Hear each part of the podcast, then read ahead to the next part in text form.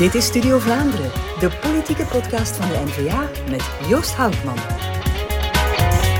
Welkom bij een nieuwe aflevering van Studio Vlaanderen. Te gast vandaag een geboren Antwerpenaar, een Sinterklaaskind, een voormalig gedelegeerd bestuurder en minister, een sportfreak ook. Onze gast is vandaag Vlaams parlementslid Filip Muiters. Filip, welkom in onze uh, studio.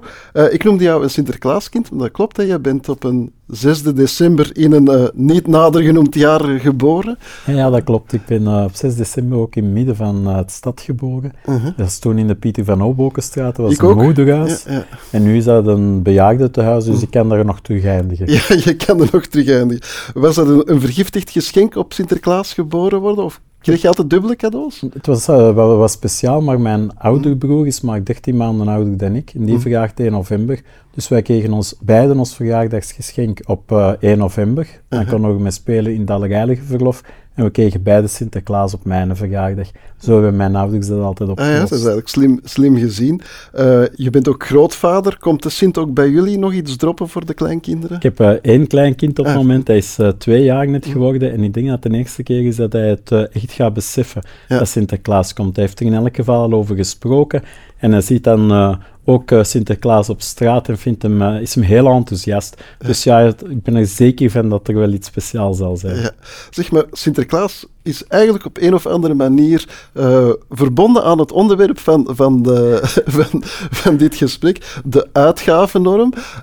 want ja, Sinterklaas kan maar uitgeven wat ouders en grootouders min of meer zeggen dat uh, uh, hij mag uitgeven. Hè? Ja, dat klopt. En, en eigenlijk is dat ook uh, de basis van een uitgavennorm. Ik zeg altijd van, eigenlijk doen we daar mee, of willen we daar als overheid mee doen, wat we in een normaal huishouden doen. In tijden dat het goed gaat, zet je wat opzij op een spaarboekje om te kunnen gebruiken als je ergens een uitgave hebt die je niet had verwacht, of een tegenslag. Dat doen we allemaal als we dat enigszins kunnen. En dat is effectief ook bij Sinterklaas. Je kan maar uitgeven wat je hebt. Ja. Dat is eigenlijk de filosofie daarin. Ja, want uh, vorige week keurde het Vlaams parlement, het, het, of, of het Vlaams parlement gaf groen licht voor deze uitgavennorm. Jij bent de meest geschikte man om het daarover te hebben, want je bent er eigenlijk de drijvende kracht achter, achter dat idee. Ja, absoluut. Ik, het is eigenlijk al bijna twee jaar en een half geleden dat ik uh, specifiek met die resolutie ben begonnen. Mm -hmm. Um, dat gaf altijd wat tegenstand. Um, en het is ook begrijpelijk dat dat wat tegenstand geeft, omdat je eigenlijk wat atypisch gaat werken. Je gaat eigenlijk werken zodanig dat um, op het moment dat het goed gaat, dat de groei meer dan gemiddeld is, ga je die centen opsparen. En als de groei minder dan gemiddeld is, ga je ze uitgeven. Maar dat vraagt een enorme discipline. Want ik heb altijd zelf ondervonden, als ik minister van Financiën en Begroting was, dat als het moment dat de groei wat beter is dan verwacht, ja, dan heb je natuurlijk nog hopen vragen mm -hmm. die de collega's stellen, hopen uitgaven die ze wel ergens nog nuttig vinden. Ja. En dan willen ze die uitgeven. Op het moment dat het slechter gaat, ja, dan moet je weer gaan besparen. Mm. En dat is zo'n stop-and-go-beleid waar dat ik uh, echt gefrustreerd van was. Mm. Terwijl je op deze manier, als je met een gemiddelde groei gaat werken, kan je dat spreiden en krijg je eigenlijk een spaarpotje dat je opbouwt voor slechtere tijden. Ja, en dat is een gaat eigenlijk over een soort acyclisch uh, ja. beleid. Hè? Ja, dus in plaats van procyclisch te werken, te werken in functie van de conjunctuur, ga je als de conjunctuur het slechter doet, ga je bijsteken vanuit de overheid. En als de conjunctuur het beter doet, ga je sparen. Ja. Niet besparen, maar sparen. Ja, um, voorzitter Bart de Wever die had het in zijn ondertussen beruchte 7 minuten video over, en ik zeg het eventjes in het Engels, uh, balance the budget, keep the taxes low, invest in innovation, keep welfare fair. Past die uitgavennorm in, in die concepten? Tuurlijk, helemaal. Hm. Um, eh, eh, zonder twijfel, ik denk dat wij als partij ook heel sterk altijd het budget hebben bewaakt. En die uitgavennorm geeft daar een instrument om ervoor te zorgen dat dat ook kan. Mm. Uh, en, en dat is eigenlijk de bedoeling ook. En, en het past in alles wat we al jaren, al sinds dat ik minister van Financiën en Begroting ben, maar zeker nu met Matthias Diependaal, een prestatiebegroting noemen. Dat wil zeggen dat we veel meer gaan kijken Mm. naar wat er uiteindelijk met de centen is gebeurd. En, en dat samen met die uitgavennorm maakt eigenlijk een, een sterke Vlaamse begroting. Ik denk volgens, uh, allez, volgens mij toch eigenlijk een, een voorbeeld, uh, niet alleen binnen dit land, maar ook binnen Europa, toch een bij de beteren op dat moment. Ja, uh, opvallend, zowel meerderheid als oppositie engageerden zich eigenlijk voor het instrument hè, van de uitgavennorm. Ja, dat lijkt mij redelijk uniek. Hè? Waren het, uh, om in Sinterklaas-termen te blijven, allemaal brave leerlingen in, in het parlement? We hebben één partij, de PvdA, die tegen heeft gestemd. Maar daar ben ik eigenlijk niet zo boos over. Um, ik heb het letterlijk geantwoord ook aan, aan de collega van PvdA. Uh, als hij zich schaart achter uh, mensen die zeggen dat daar niks mee te doen is, en ik had dan een pak van goede, sterke begrotingsanalisten. ik noem maar het economisch platform dat corona, dat ging zorgen voor de veerkracht na corona. Ik noem de SERF. Ik noem het Rekenhof, die hmm. heel uitdrukkelijk pleiten voor een uitgavennorm. Dan zit ik graag in dat kamp. En ja, buiten P van de A heeft niemand tegengestemd. En waar ik ook heel blij voor ben, is dat Groen zich volop mee heeft geëngageerd, hmm. mee de resolutie heeft ondertekend, samen met Open VLD en CD&V, wat ook bewijst dat het uh, inhoudelijk uh, een sterk document is. Ja, kan je daar nog even concreter ingaan? Wat ligt die uitgavennorm nu echt vast? Hoe, hoe gaat die als, als instrument echt gebruikt worden? Want het concept is, is duidelijk. Hè? Je, je spaart op het moment dat het goed gaat om het erna dan hè, slim in te kunnen zetten. Maar hoe werkt dat instrument dan? Ik, ik, probeer het niet te technisch te mhm. maken, maar toch iets van mee te geven. Uh, normaal ga je je uitgaven koppelen aan je inkomsten. Je krijgt een bepaald pakket inkomsten en je gaat daar zien hoeveel uitgaven. Die inkomsten die stijgen met de groei van de economie. Als die groei groot is, dan stijgen die veel, kan je ook meer uitgeven. Dat is die filosofie. Stijgt die groei, is die groei kleiner, dan kan je minder inkomsten, kan je minder uitgeven. Ja. Dat is een stop-and-go-beleid. We wachten even, we zien hoe is die groei en hups, we zien wat we kunnen uitgeven. Wat wij hier voorstellen is dat je de groei van de laatste vijf jaar en de verwachting van de groei van de volgende vijf jaar, dus tien jaar groei, dat je daar een gemiddelde van neemt, mm zodanig dat je eigenlijk uh, je op voorhand ook weet van, oké, hoeveel gaan mijn inkomsten groeien, gemiddeld, en dan kunnen mijn uitgaven ook gemiddeld zoveel groeien. En krijg je een veel vlakkere curve, en de filosofie is, laat ons die volgen. Binnen Europa zijn er al veertien landen die met een uitgavennorm bezig zijn.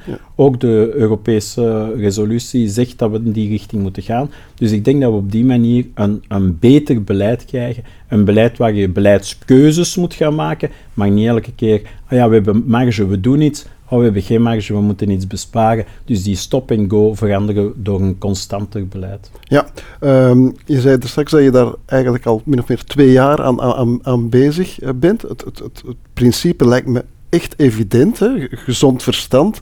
Maar hoe, hoe, komt het dat dat dan toch nog twee jaar duurt, heer iedereen, buiten de peoples van de PvdA, uh, dat iedereen mee is?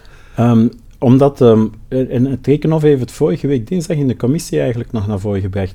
Dit vraagt een enorme discipline van elke regering die er zal komen. Mhm. Want het is niet de bedoeling dat je dat op korte termijn doet, want als je dat doet op het moment dat de groei wat slechter is en je gaat dat meer uitgeven, maar als de groei beter is, ga je het niet besparen, ja. dan kom je er niet. Hè. Dus je moet daar echt een lange termijn visie in hebben je moet ook over mogelijke legislaturen en samenstellingen van regeringen heen kijken. Voilà, en dat is ook het leuke aan die resolutie. Mhm. In de resolutie staat uitdrukkelijk dat ondertekenende partijen het eens zijn dat het een lange termijnvisie is en dat wij achter die uitgaven nog blijven staan, los van wie er in een volgende coalitie zit.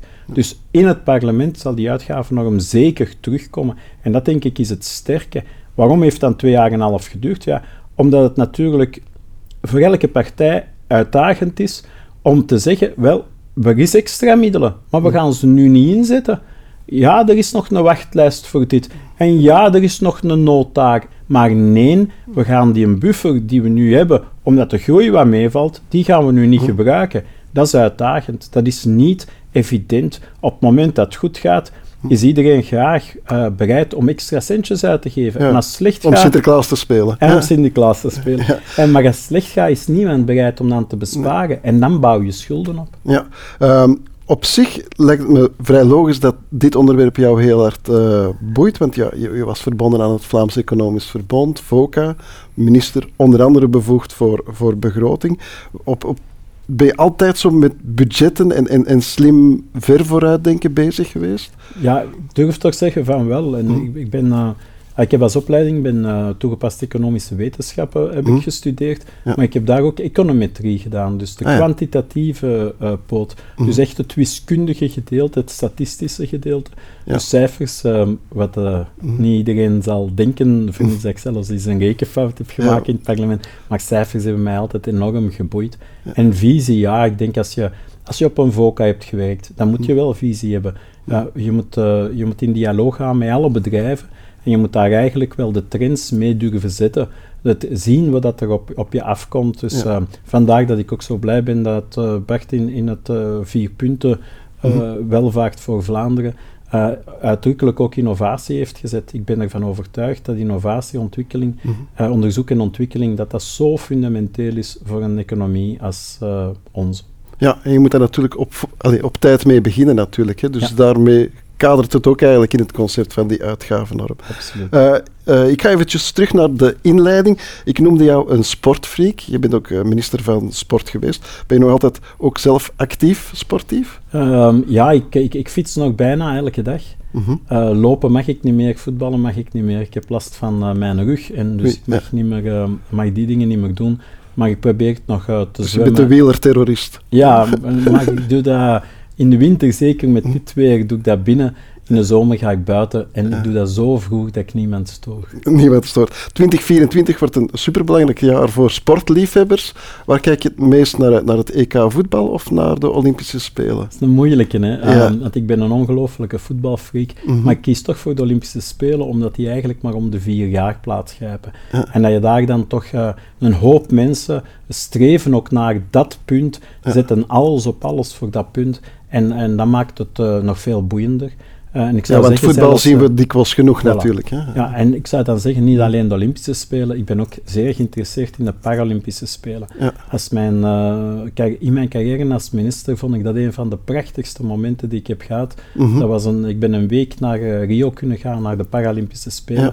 En in band met die mensen is enorm. Als je ziet wat dat die doen met de handicaps die zij hebben, ja, dat is eigenlijk prachtig. Ja. En, en ook daar zal ik met veel belangstelling naar kijken. Ja, ja, want je was met, met G-sport bezig, ook met, met, eh, als minister van, van Sport, ook sport voor allen. Zijn dat dingetjes die je nu nog blijft opvolgen? Ja, ik, ik blijf dat zeker nog volgen, eh, absoluut. Ik vind het eh, de- zo boeiend. Het is gewoon eh, Ja. leuk om dat te blijven doen. En ik volg de commissie sport in, in het Vlaams parlement. Ja. Ik heb altijd gezegd, ik wil geen schoonmoeder zijn voor mijn opvolgers. Ja. Ehm, ik doe dat denk ik niet naar Ben toe.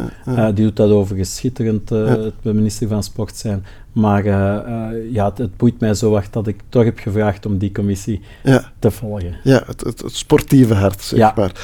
Is er zo één discipline of atleet waar jij naar uitkijkt binnen de Olympische Spelen volgend jaar? Ik ben eigenlijk wel een fan van groepsporten. Mhm. Dus de hockey ehm, is iets wat ik eigenlijk van de start heb gezien. Start eh, waar ze ja, blij waren van naar de Olympische Spelen te gaan tot dat goud. Ja, En dan nu dat terug eh, bevestigen, dat eh, hoop ik in elk geval.